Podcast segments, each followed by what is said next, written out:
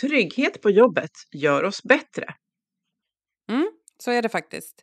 För om jag känner det som brukar kallas för psykologisk trygghet på jobbet, ja då innebär det att jag känner att jag kan vara mig själv i någon mån utan att behöva vara rädd för en massa negativa följder som skulle kunna drabba min självbild, min status eller mina möjligheter på jobbet. Mm, och på organisationsnivå då kan man beskriva det här som en arbetsmiljö där medarbetare är trygga att uttrycka sig utan att bli avvisade eller straffade.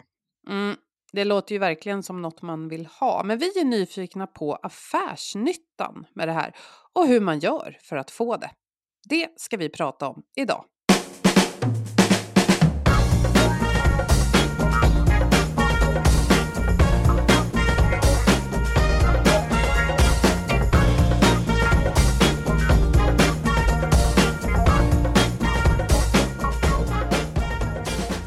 Och det gör vi i Health for Wealth där vi i ja, mer än sju år, snart åtta, har poddat om hälsa på jobbet eftersom människor som mår bra kan prestera bra.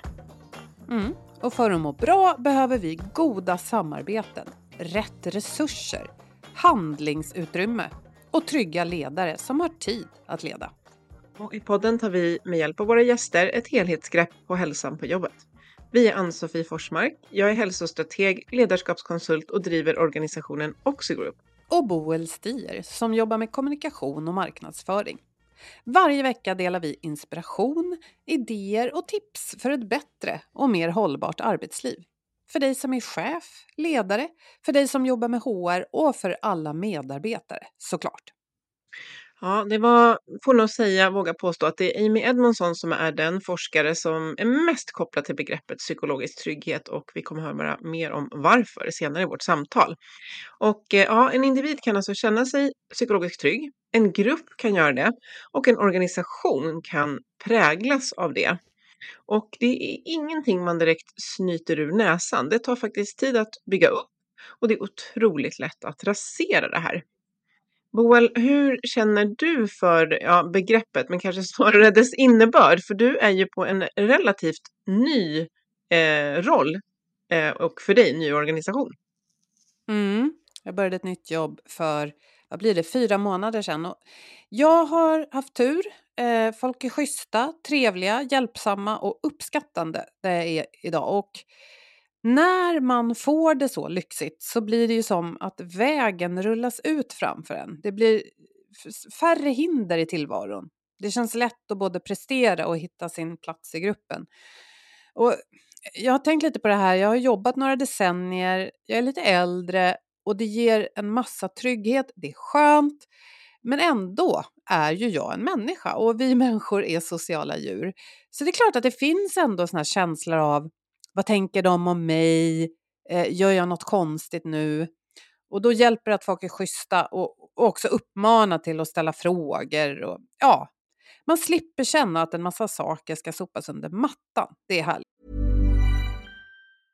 A lot can happen in the next three years. Like a chatbot maybe your new best friend. But what won't change? Needing health insurance. United Healthcare Tri Term Medical Plans are available for these changing times Underwritten by Golden Rule Insurance Company, they offer budget-friendly, flexible coverage for people who are in between jobs or missed open enrollment. The plans last nearly three years in some states, with access to a nationwide network of doctors and hospitals. So for whatever tomorrow brings, United Healthcare Tri-Term Medical Plans may be for you. Learn more at uh1.com. Many of us have those stubborn pounds that seem impossible to lose, no matter how good we eat or how hard we work out. My solution is PlushCare PlushCare is a leading telehealth provider with doctors who are there for you day and night to partner with you in your weight loss journey. They can prescribe FDA-approved weight loss medications like Wagovi and Zepbound for those who qualify.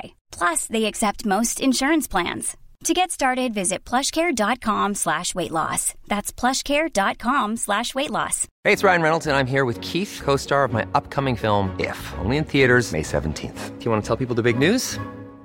All right, I'll do it. Sign up now and you'll get unlimited for $15 a month in six months of Paramount Plus Essential Plan on us. Mintmobile.com slash switch. Upfront payment of $45 equivalent to $15 per month. Unlimited over 40 gigabytes per month. Face lower speeds. Videos at 480p. Active Mint customers by 531.24 get six months of Paramount Plus Essential Plan. Auto renews after six months. Offer ends May 31st, 2024. Separate Paramount Plus registration required. Terms and conditions apply if rated PG. Mm. Jag tänker, som jobbar en del med psykologisk trygghet, jag tänker verkligen på det här med att ja, eh, vi kan jobba med det tillsammans på arbetsplatsen, vilket vi ska prata om idag, men hur du Alltså det är så otroligt avgörande av hur du är som individ när du kommer in i det här. Är du redo att liksom hoppa i på det djupa i poolen och berätta att du är, jag känner mig osäker, jag vet inte, jag undrar, jag förstår inte riktigt det här. Eh, hur du, vad du har med dig för trygghet in Eh, i den grupp, den organisation som du kommer in i är ju otroligt eh, viktigt och avgörande. Och vi är ju massa människor som kommer samman på arbetsplatser med olika bakgrunder och erfarenheter. Så att, eh, mm, vi ser verkligen fram emot att eh, prata med, eh, med vår gäst om det här idag och det känns som att vi har prickat väldigt rätt i att få in en gäst som verkligen kan beskriva och resonera tillsammans med oss. Vi har nämligen bjudit in Tor Wennerberg som är legitimerad psykolog med inriktning på organisation och arbetsliv. Och Tor är också aktuell med en bok som heter Rädda organisationen, eller Rädda, ja, det kan betyda två saker där. En bok om psykologisk trygghet i arbetslivet. Så vi säger varmt välkommen till dig Tor. Tack så mycket. Vad roligt att ha dig här. Mm. Hur, hur skulle du vilja beskriva psykologisk trygghet lite kort här så att vi kommer igång och varför det är viktigt i vårt moderna arbetsliv? Ja, definitionen på, i forskningen på eh, eh, psykologisk trygghet det är att eh, det är en gruppgemensam upplevelse eh, av att gruppen, kontexten är som de säger på engelska, safe for interpersonal risk-taking. Alltså en kontext, en gruppmiljö som är tillräckligt trygg för mellanmänskligt risktagande. Um, så att det innebär att psykologisk trygghet är då ett tillstånd av reducerad mellanmänsklig risk. Ja, men vilken uh, intressant definition. Ja, du, mm. du ville fortsätta höra det, kör på. Nej, men jag tänkte då att, så att det man behöver ha med sig det är att eh, eh, vårt utgångsläge när vi går in i en grupp eller när en grupp bildas. Utgångsläget är att vi har en mellanmänsklig risknivå att hantera och det var det som du Boel var inne på lite där i inledningen. Eh, vi tar en risk, det är ett slags existentiell risk vi tar när vi kliver in i en grupp. Eh, vi kan mötas av negativa reaktioner om vi tar plats i gruppen på ett visst sätt. Mm. Och därför är vår, eh, vad ska vi säga, eh, huvudsakliga strategi, den vanligaste strategin är att vara försiktig mm. eh, när vi kliver in i en grupp. Och Det här skulle jag vilja stanna till vid lite grann. Eh, för risk, det är inte så vi kanske vanligen beskriver relationer. Mm. Eh, men med risk menar du att om jag kommer in ny och så kanske jag råkar säga någonting som ingen brukar säga. Vill någon Mm. hänga med mig på lunch nu klockan 11? Men alla tar egentligen lunch 12 och så blir... Alltså är det sådana där små saker? Eller vad, hur skulle du definiera risken konkret? Ja, alltså risken är att bli, eh, om vi verkligen kokar ner det, så är risken är att bli avvisad. Mm. Eh, I värsta fall bortstött. Du blir det. inte inkluderad, du får inte vara en del av gruppen. Och det där, man pratar i socialpsykologin om att vi har det som kallas för the social evaluative threat, alltså ett socialt utvärderingshot. Eh, och det visar sig i experiment, till exempel man mäter stressreaktioner, att du får en uppgift som du ska lösa på, på viss tid. Det i sig skapar ett, ett litet stresspåslag, du behöver anstränga dig. Så. Ehm, och om man då lägger till eh, någon slags eh, redovisning inför en grupp. Eh, du ska redovisa ditt resultat för en grupp med okända personer. Då ökar det här stresspåslaget trefaldigt. Tre Mm. gånger så hög stress. Ehm, och ehm, och det kallas då för det sociala utvärderingshotet. Vi lever med en slags eh, eh, grundnivå, alltså den är ju inte extremt hög men den finns där, av att eh, om vi inte liksom har koll på hur vi agerar mot andra och sådär, då eh, finns risken att en grupp vänder sig mot oss. Och, av, och helt enkelt då eh, avvisar oss, eh, stöter bort oss eller helt enkelt ser negativt på oss. Eh, och av evolutionära skäl kan man säga eh, så är det där någonting som vi är oerhört känsliga för. Det finns Mm. en väldigt intressant socialpsykologisk teori och förklaring till vad självkänsla är. Eh, som har med det här att göra, men det kanske vi återkommer till. Ja, nej, men det är jätteintressant att höra dig berätta om det här, för jag tänker genast på väldigt vardagliga situationer där vi, även om vi som, som jag själv gärna vill se oss som, vad ska man säga, toleranta, öppna, nyfikna på andra människor och sådär, så gör vi, vi, vi skannar ju omgivningen hela tiden. Man går på bussen, man går in och ska köpa den här lunchen någonstans, man stöter på en gammal kompis och då kanske man tänker en del saker. Just det, det var hon ja, hon var inte så schysst i skolan. Vilka Mm. snygga kläder hon har, undrar om det går bra för henne på jobbet. Alltså, Mm. det är lite det där spelet som pågår Mm. mellan raderna hela tiden. Och, och som Mm. du säger då, det kan ta väldigt mycket kraft från vårt jobb. Stjäla kraft från vårt jobb i värsta fall. Mm. Ja, det stjäl kraft och tar energi och framför allt då om vi inte reducerar den här mellanmänskliga risknivån i professionella kontexter i arbetslivet. Konsekvensen av det blir ju att vi får in mycket mindre information i gruppen. Därför att man, man vaktar på sig och man tar inte risken att eh, ställa frågor, eh, riskera att avslöja sin okunnighet. eh, man ber inte om hjälp, eh, vågar inte komma med egna bidrag så, till diskussionen och framför allt då vågar inte utmana eh, rådande uppfattningar i gruppen. Och precis det där är ju sånt som arbetsgrupper behöver. För att bli effektiva så behöver de få in så mycket relevant information som möjligt och sen kunna genom ett öppet diskussions och samtalsklimat kunna använda den här informationen kreativt på kreativa sätt.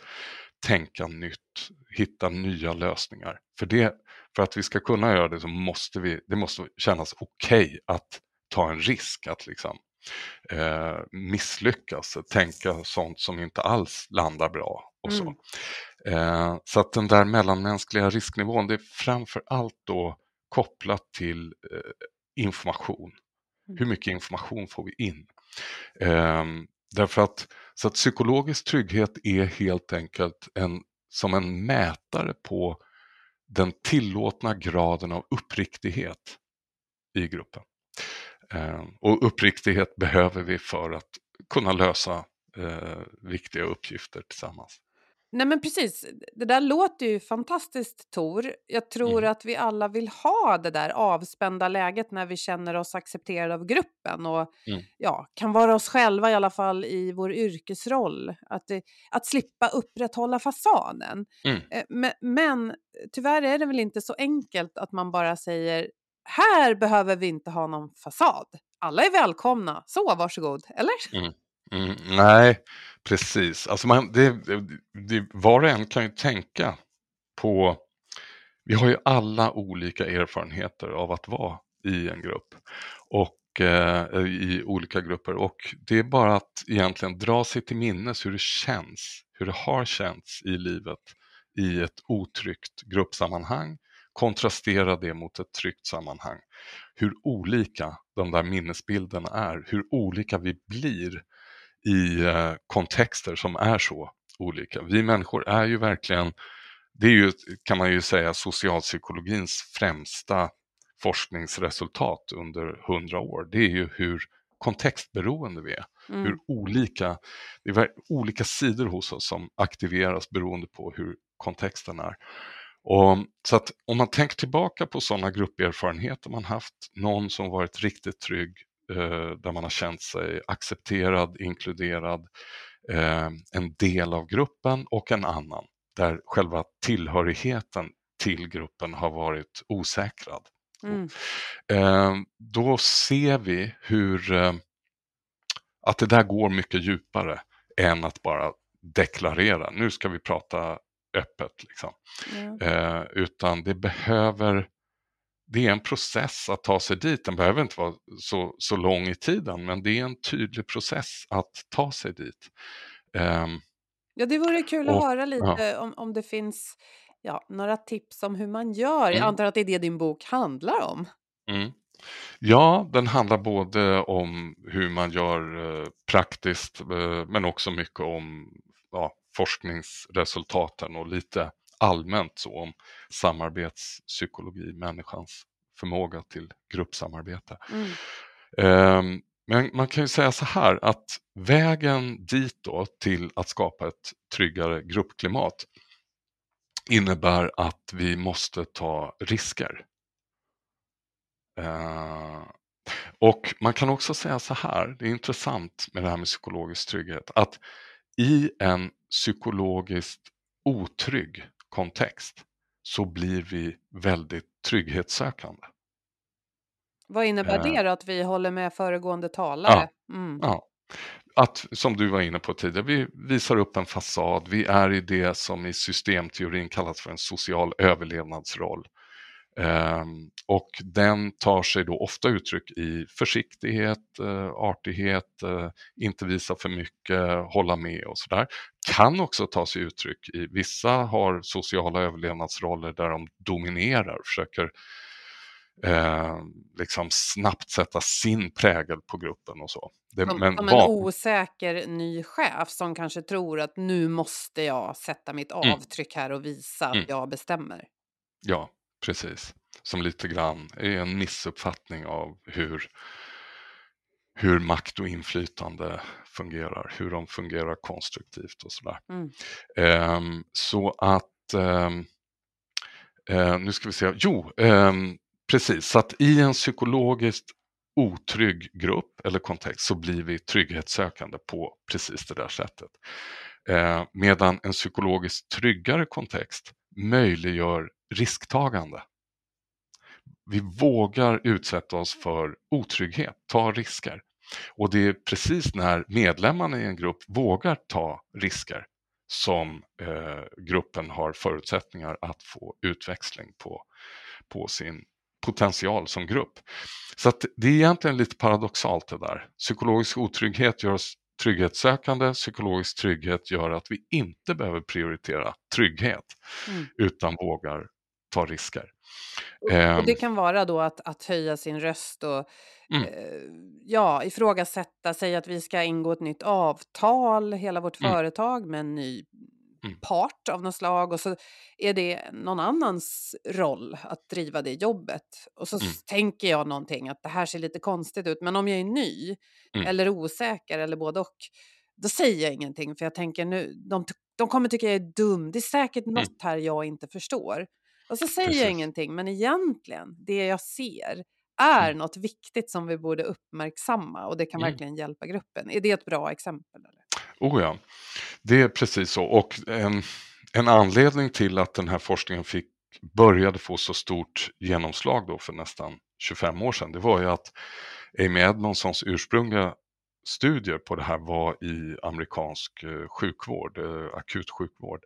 Och då blir ju de där övervägandena som en enskild medlem gör, det vill säga till exempel, ska jag ifrågasätta den här läkarens ordination Mm. när jag sitter på information. Jag tror att till exempel den här eh, mixen av mediciner, eh, det har framkommit att den är förknippad med stora risker och jag tror inte att han vet om det. Ja, just det, men, nu men jag är bara 25 år, han har jobbat i 30 år, vem är Mm. jag att ifrågasätta? Då, ja, det kan stoppa mig.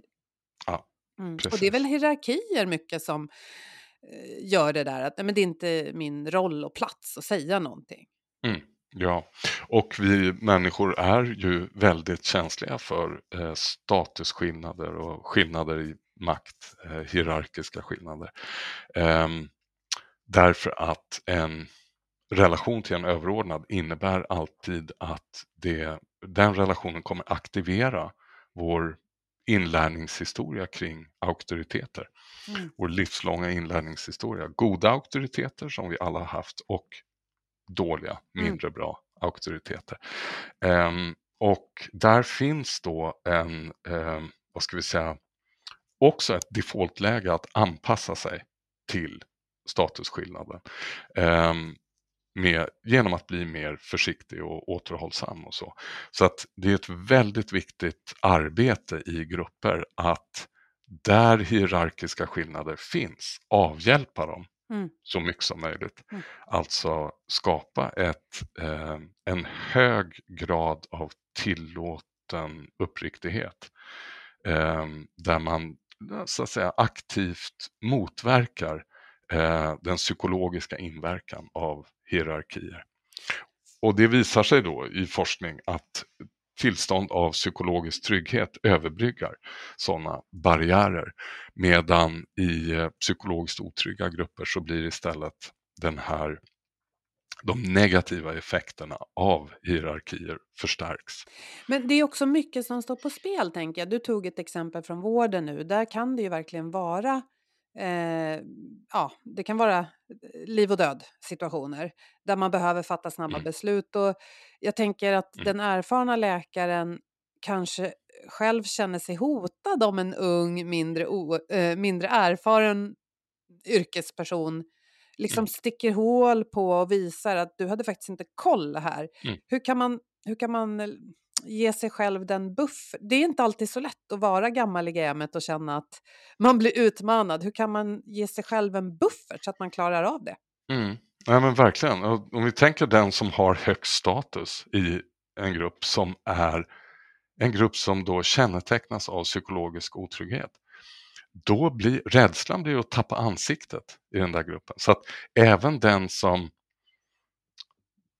det finns forskning på att den som då åtnjuter högst status och makt i en psykologiskt otrygg grupp upplever mindre grad av psykologisk otrygghet än de som har låg status.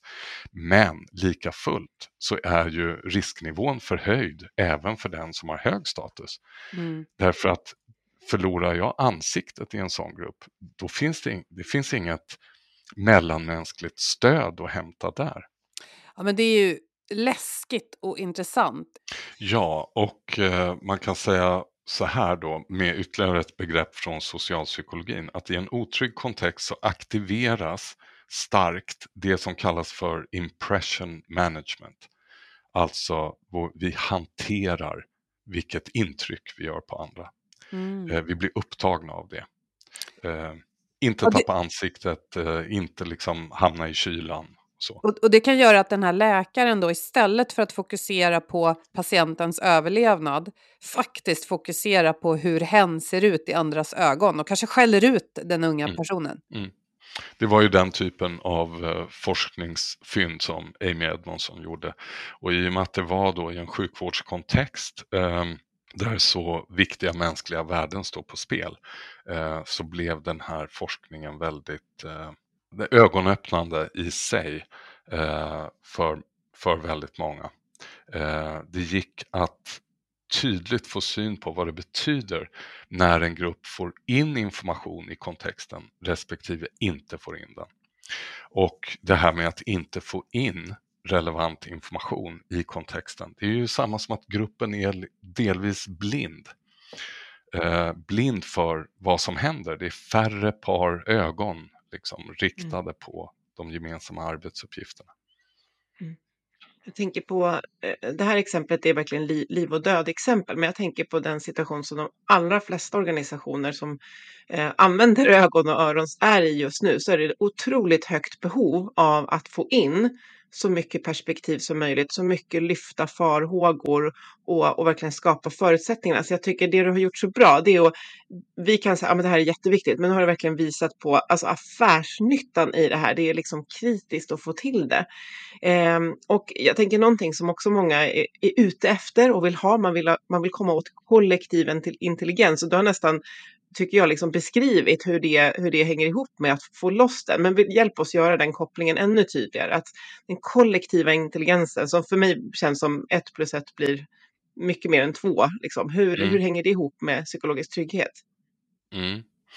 Um, ja, där finns det intressant forskning uh, som startade vid uh, eh, MIT i Cambridge uh, och det är en forskare, eh, Thomas Malone och hans forskargrupp som började utforma grupp-IQ-tester ehm, som precis som individuella IQ-tester uppdelade i olika områden, fem delområden som eh, till exempel logisk analys, koordinering, eh, kreativt tänkande, alltså brainstorming, moraliskt resonerande.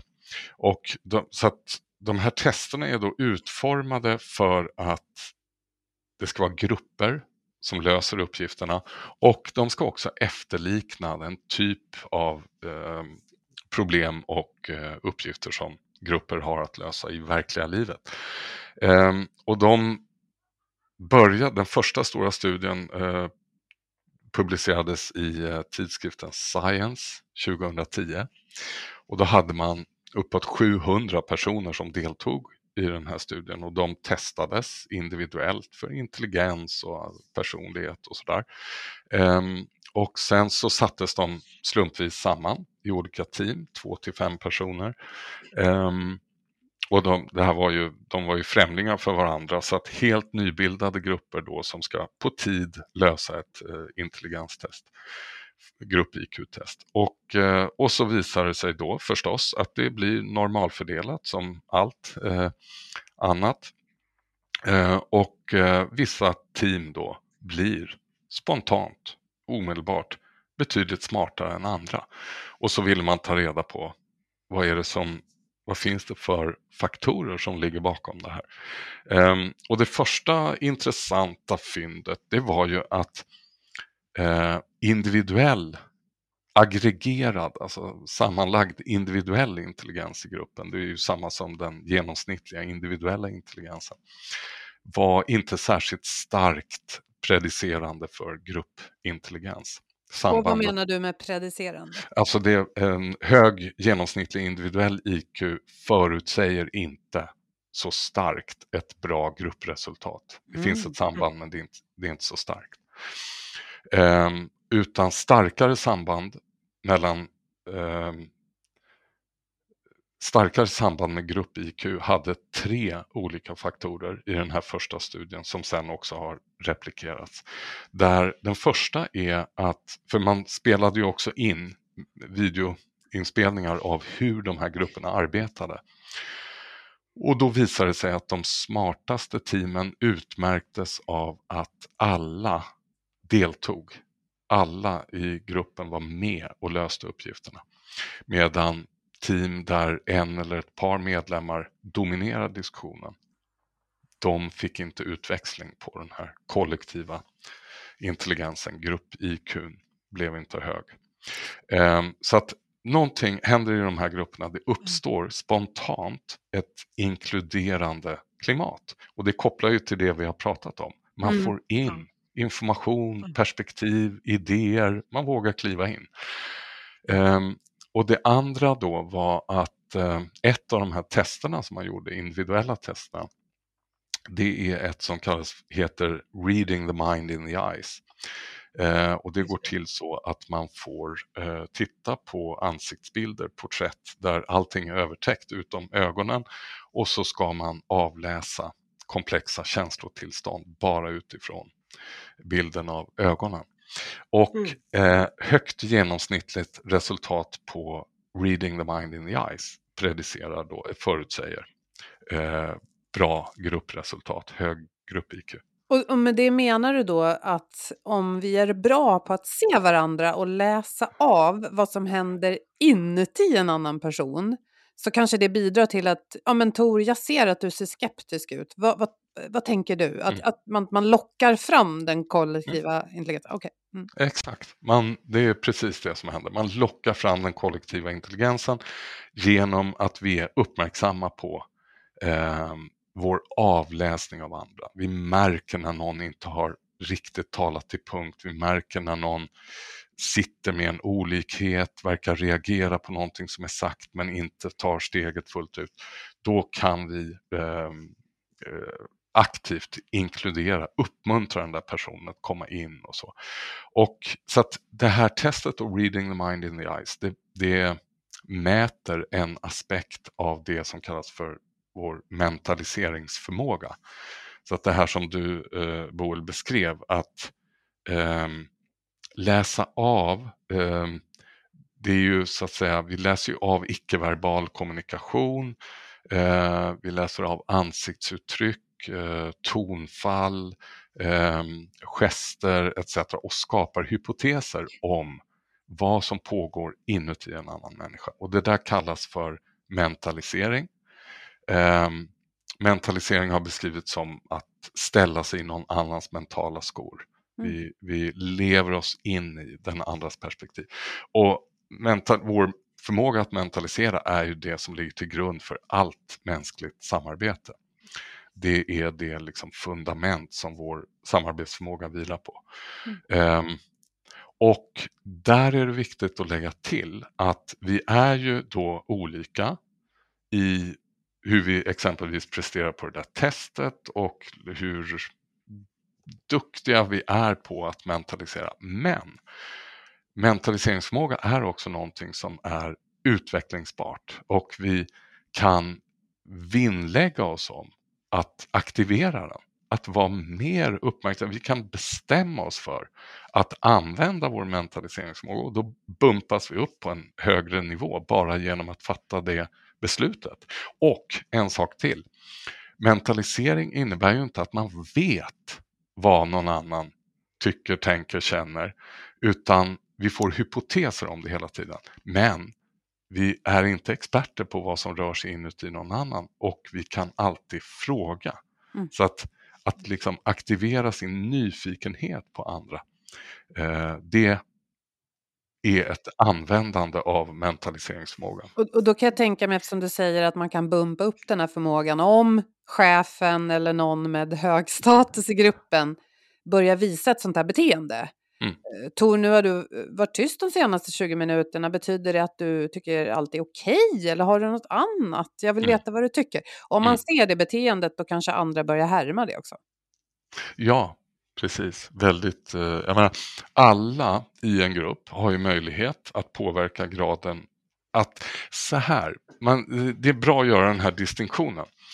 Eh, psykologisk trygghet i en grupp, det är ju ett grupp tillstånd. Så jag kan inte direkt påverka den genom min egen rolltagning i gruppen.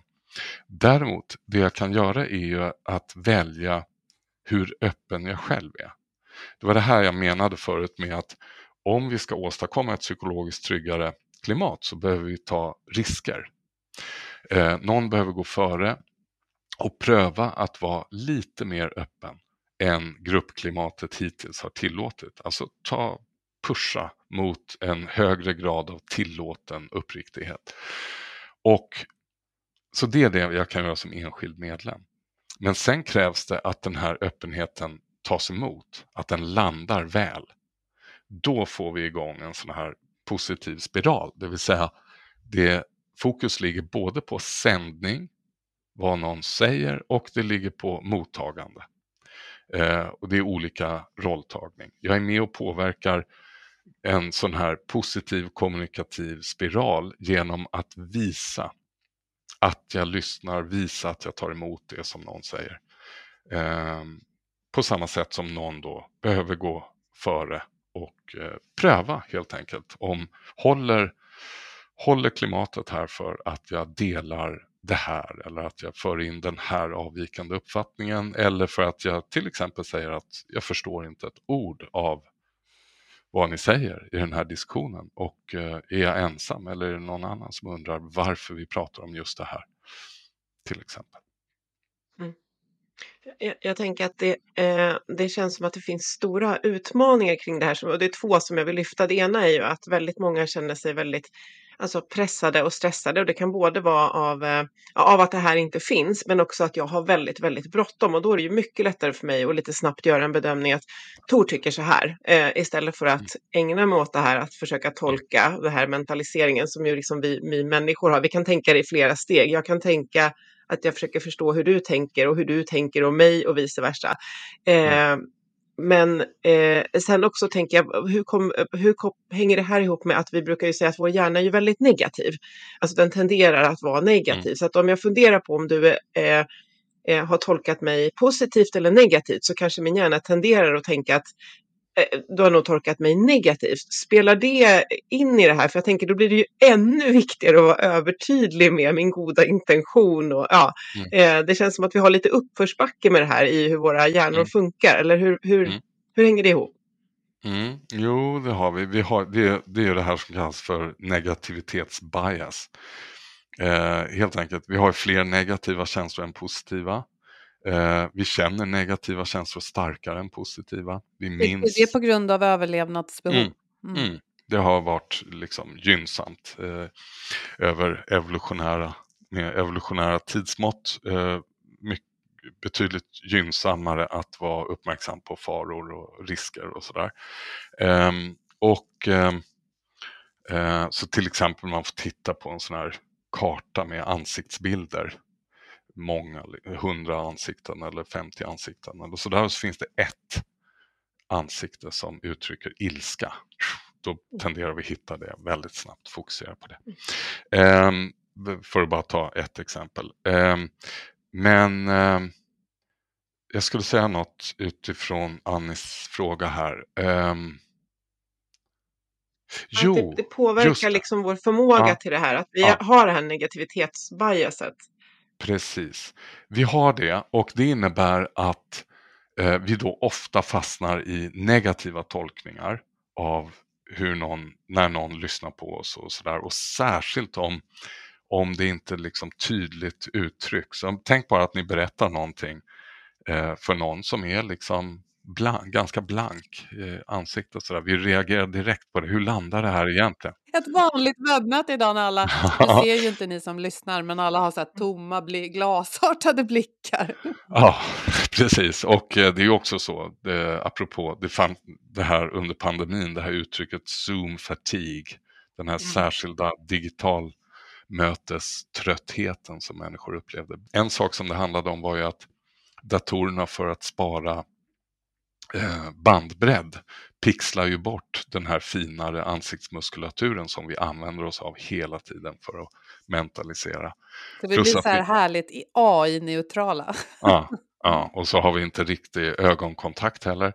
Och det där, alltså man kan ju tänka om vi tar bort stimuli, tar bort ögonkontakt, tar bort den här uh, väldigt fin fin förgrenade ansiktsmuskulaturen som vi har, att det skulle vara eh, mindre för hjärnan att jobba med. Men det blir precis mm. tvärtom. Tar vi bort sådana stimuli, då jobbar hjärnan på högvarv. Därför att det här är, det här är en evolutionärt oförutsedd situation att sitta i ett Zoom-möte. Och då ser alla trötta och glas, har den här glasblicken, då tänker vi de är helt ointresserade och jag gör nog jättedåligt ifrån mig just nu. Mm, mm. Precis. Eftersom vi har då en tendens eh, till eh, negativa tolkningar, vi har det här sociala utvärderingshotet och i en psykologiskt otrygg kontext så vågar vi inte, vi vågar inte ställa frågor.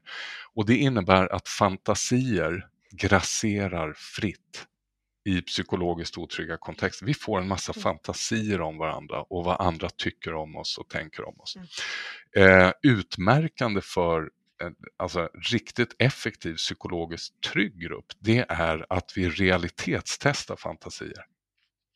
Mm. Så till exempel, jag får för mig att det där som jag sa, att du reagerade på det på något sätt, att du inte gillade det.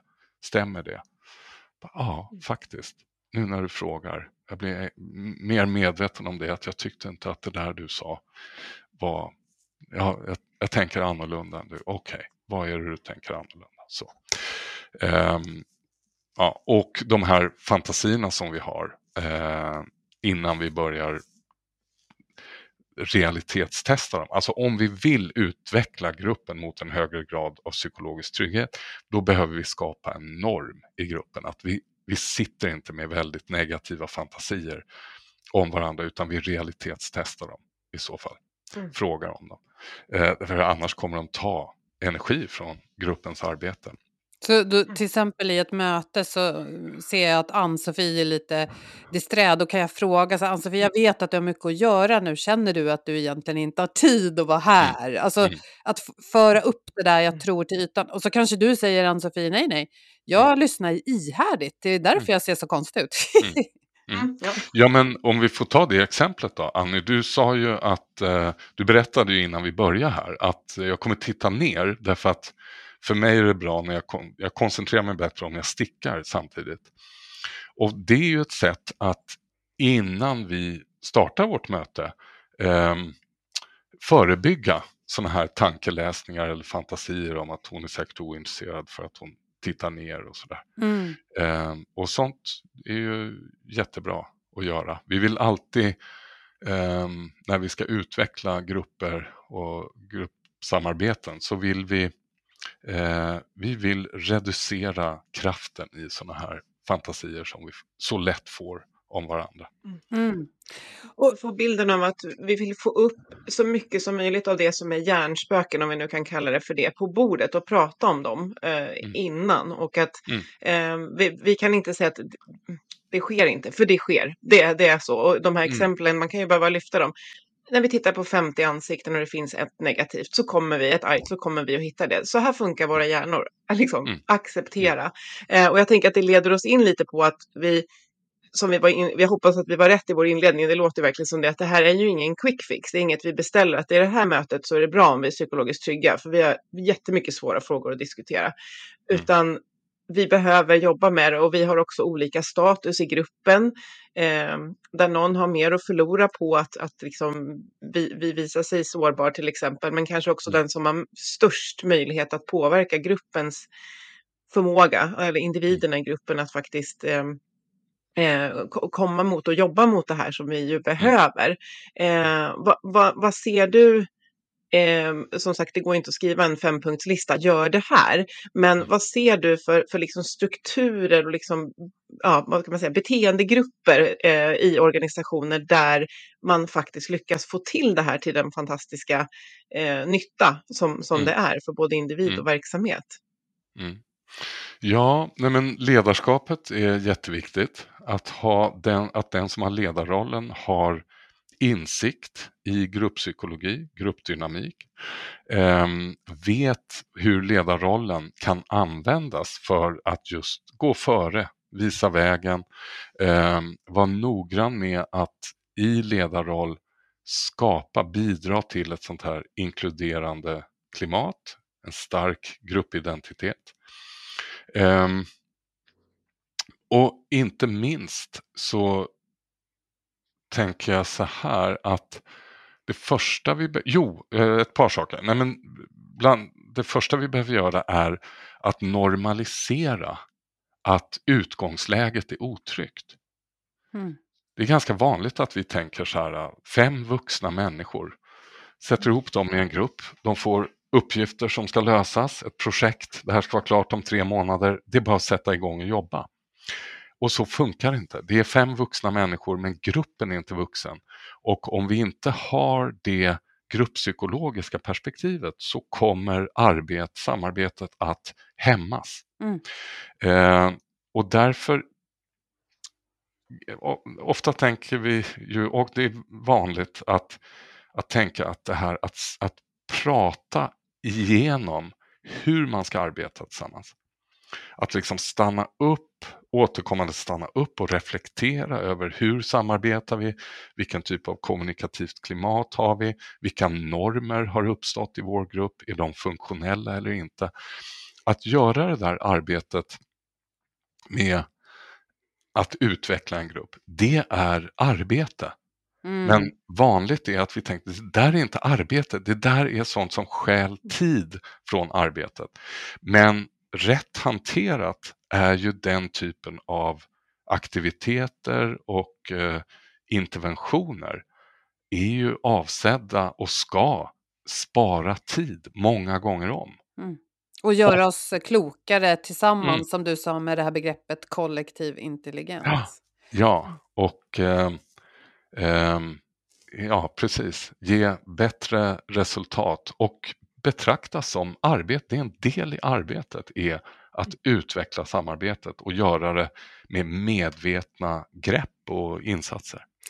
Ja, men det är fantastiskt. Jag tänker att här har du ju eh, höjt flaggan, eller fanan brukar man säga, för att det också är arbete att se till att gruppen kan samarbeta bra. För det här Mm. är ju en del av det. Och som du sa, jag, jag repeterar lite nu här för att summera, eh, att man, vi behöver förutsätta att vi inte naturligt är psykologiskt trygga. För att vi är inte naturligt skapta eh, för trygghet och det är en överlevnadsfråga. Eh, och, och då tänker jag att det faller mycket på chefen naturligtvis, men alla kan bidra. Att se till Mm. att alla blir hörda, att vara nyfiken på varandra och mentalisera som det säger. Att höja blicken. Och jag hör ju att det är typiskt sånt som du nämnde också, Ann-Sofie. Är vi stressade och ont om tid, då är det det vi skalar bort. Men då får vi också ett sämre resultat. Mm. Superintressant. Mm, jag fick upp en bild av, eh, inte att vi ska köra bil på något sätt, men, men lite det här att det här arbetet är det som bygger, eh, bygger en motorväg. Liksom. Det bygger en motorväg som det sen går att köra snabbt på, men du kan inte köra snabbt. Mm. Liksom. Eh, det blir som en ja, väldigt backig och bumpig, eh, bumpig väg om Mm. vi inte gör det här arbetet innan. Det är det här som bygger vägen och därför är ju det en del av arbetet. Och det tycker jag är verkligen ett Mm. väldigt viktigt sammanfattande budskap att skicka med. Det här är Mm. Det här är en del av arbetet. Det är helt avgörande att vi, vi Mm. gör det. Nej men verkligen, en bra definition på ledarskap är ju att ledarskap handlar om att åstadkomma resultat genom andra.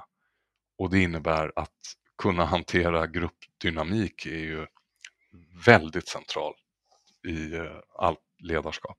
Mm. Och jag håller som sagt på och läser boken och Mm. eh, kan varmt rekommendera att göra det, vare sig man är ledare eller inte. Men det, det känns som en, ett riktigt starkt medskick till många, eh, till många ledare. Men som sagt, eh, alla som blir nyfikna och vill ha åt den här effekten som vi ändå har pratat mycket kring idag också, som eh, kan komma av att faktiskt jobba med det här, så varmt rekommendera att läsa den. Mm. Tack så hemskt mycket för att du kom Tor. Eh, viktiga saker att påminna oss själva om varje dag. Att vi, eh, vi är de här, eh, vi är lite stenåldersmänniskor i hjärnan. Vi ser gärna hot, det finns en anledning till det och vi behöver hela tiden antar jag jobba för att få den här tryggheten som också gör oss klokare tillsammans. Bara en sån sak. Mm. Tack ska ni ha. Och med det så tackar vi ni som har lyssnat. Eh, tackar Tor igen och så tackar vi förstås Ayat, förstås Ayat Al-Mansour som har hjälpt oss med den här produktionen. Och som sagt, vi brukar vi säga, vi vill jättegärna prata med er. Det gör vi jättegärna på LinkedIn. Eh, hör av er med tankar och frågor och reflektioner. Och eh, ja, gör ni det eller inte så hoppas vi i alla fall att vi hörs igen om en vecka. Må så gott där ute. Hej då! Hej då!